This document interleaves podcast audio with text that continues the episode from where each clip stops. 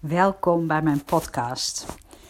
Ooit hoorde ik van Elisabeth de Koning dat een hond een poort is naar zijn.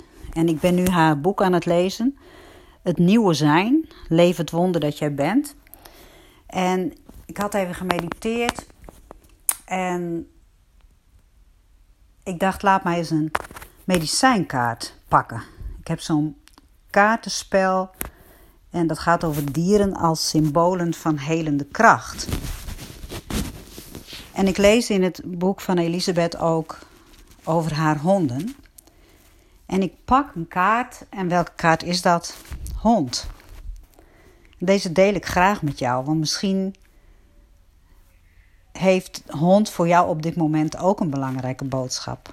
Je luistert niet voor niks naar deze podcast.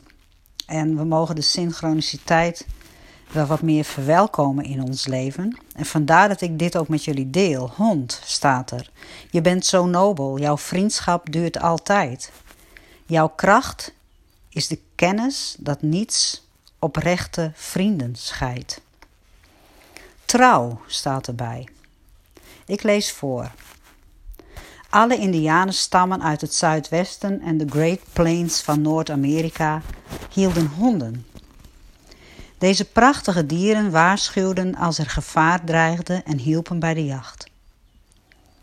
Op lange winteravonden verschaften ze warmte. De hondenstam heeft natuurlijk vele leden, maar bij de eerste honden van de Indianen ging het meestal om half wilde exemplaren. Dit nam echter niet weg dat zij hun eigenaars hun aangeboren trouw betoonden. Hond is door de eeuwen heen beschouwd als dienaar van de mensheid.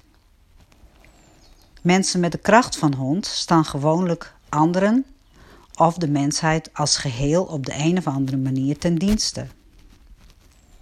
Hond is het teken van degene die aan liefdadigheid doet. De filantroop, de verpleegkundige, de therapeut, de dominee en de soldaat. Hond was de dienaarssoldaat die de tenten van de stam behoedde voor een verrassingsaanval. Tot de kracht van hond behoort de liefhebbende zachtheid van een beste vriend.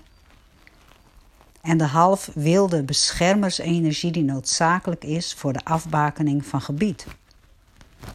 Net zoals Anubis, de jakhals uit de Egyptische mythologie, is hond een bewaker. Door de eeuwen heen is hond de bewaker van de hel geweest en van oude geheimen en verborgen schatten. Ook baby's werden altijd door hun moeders aan hond toevertrouwd, zodat zij konden koken of op het land werken. Hond heeft achting voor zijn gaven en is trouw aan het vertrouwen dat in zijn zorg wordt gesteld. Als je de kracht van hond onderzoekt, kom je er wellicht achter dat je tedere persoonlijke herinneringen hebt aan het huisdier dat je als kind had en waarvan je veel hield. De boodschap die honden je proberen te geven, is dat je grondig naar je gevoel van dienstbaarheid moet kijken. Hondachtigen zijn waarlijk op dienstverlening gericht.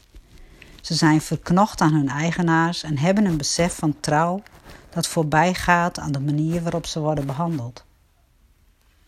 Als er tegen een hond is geschreeuwd of als hij is geslagen, geeft hij nog steeds liefde aan degene die hem zo slecht heeft behandeld. Dit doet hij niet uit domheid, maar uit diep en meedogend begrip voor de menselijke tekortkomingen. Het is alsof er een tolerante geest huist in het hart van elke hondachtige die alleen maar vraagt om van dienst te mogen zijn. Soms zie je honden waaruit de trouw geslagen is. Zij krimpen ineen en huilen bij de geringste blik van afkeuring. Maar dit is niet hun normale aard. Sommige hondenrassen zijn zelfs tegen hun aard in afgericht om wreed en gemeen te zijn. Deze rassen hebben uit een gevoel van dienstbaarheid de agressieve neigingen van hun eigenaars overgenomen. Hun genetisch geheugen is gemanipuleerd. Nu komt de boodschap van hond, voor mij en misschien ook voor jou op dit moment. De kracht van hond vraagt je te kijken of je besef van trouw te lijden heeft onder je behoefte aan goedkeuring. Als je de hondkaart hebt getrokken, moet je eens nadenken over een aantal vragen, afhankelijk van de situatie waarover je iets vraagt. 1. Ben ik kort geleden vergeten dat ik trouw moet zijn aan mijn persoonlijke waarheid in het leven? 2. Is het mogelijk dat roddel of de meningen van anderen mijn trouw aan een bepaalde vriend of groep hebben aangetast? En 3. Heb ik een trouwe vriend gelogend of genegeerd? En tenslotte, ben ik trouw geweest aan mijn doelen?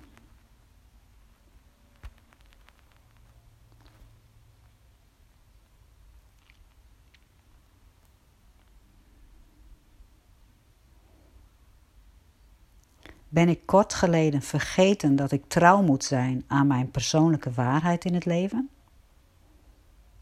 Is het mogelijk dat roddel of de meningen van anderen mijn trouw aan een bepaalde vriend of groep hebben aangetast? Heb ik een trouwe vriend gelogend of genegeerd? Ben ik trouw geweest aan mijn doelen? En ik ga even naar de laatste. Ben ik trouw geweest aan mijn doelen? Op jouw oudjaarsavond vraag ik mezelf steeds of heb ik het voornemen om vanuit ontspanning te leven. Dat is mijn doel. Ik ben niet trouw geweest aan mijn doelen de afgelopen tijd. En ik merkte dat nu ook aan mijn lichaam dat er onrust was.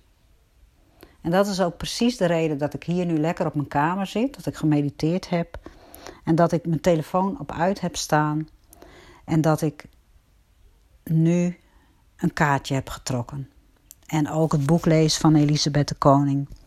Het nieuwe zijn, overigens een aanrader.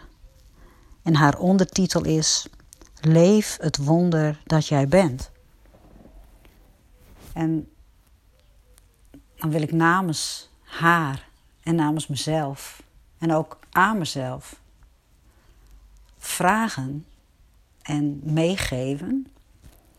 Leef het wonder dat jij bent.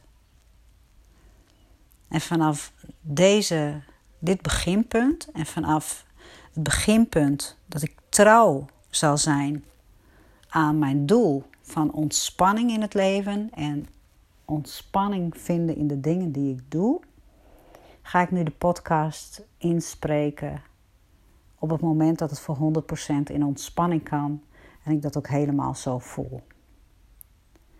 Ik hoop dat jij hier iets aan hebt gehad. Dat jij ook gaat luisteren naar de stem van je ziel. En dat je ook vanuit ontspanning, het mag gemakkelijk gaan, de dingen doet die je wilt doen. Tot de volgende podcast.